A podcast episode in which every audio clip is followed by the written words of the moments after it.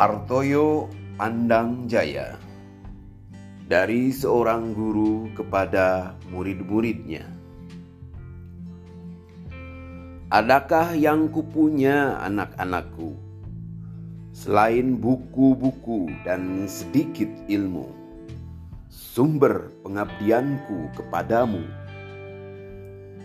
Kalau hari Minggu kau datang ke rumahku, aku takut anak-anakku.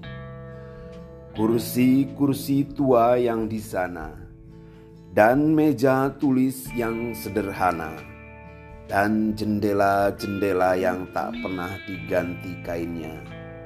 Semua padamu akan bercerita tentang hidupku di rumah tangga. Ah, tentang ini tak pernah aku bercerita depan kelas sedang menatap wajah-wajahmu remaja, horizon yang selalu biru bagiku, karena ku tahu anak-anakku, engkau terlalu muda, engkau terlalu bersih dari dosa untuk mengenal ini semua.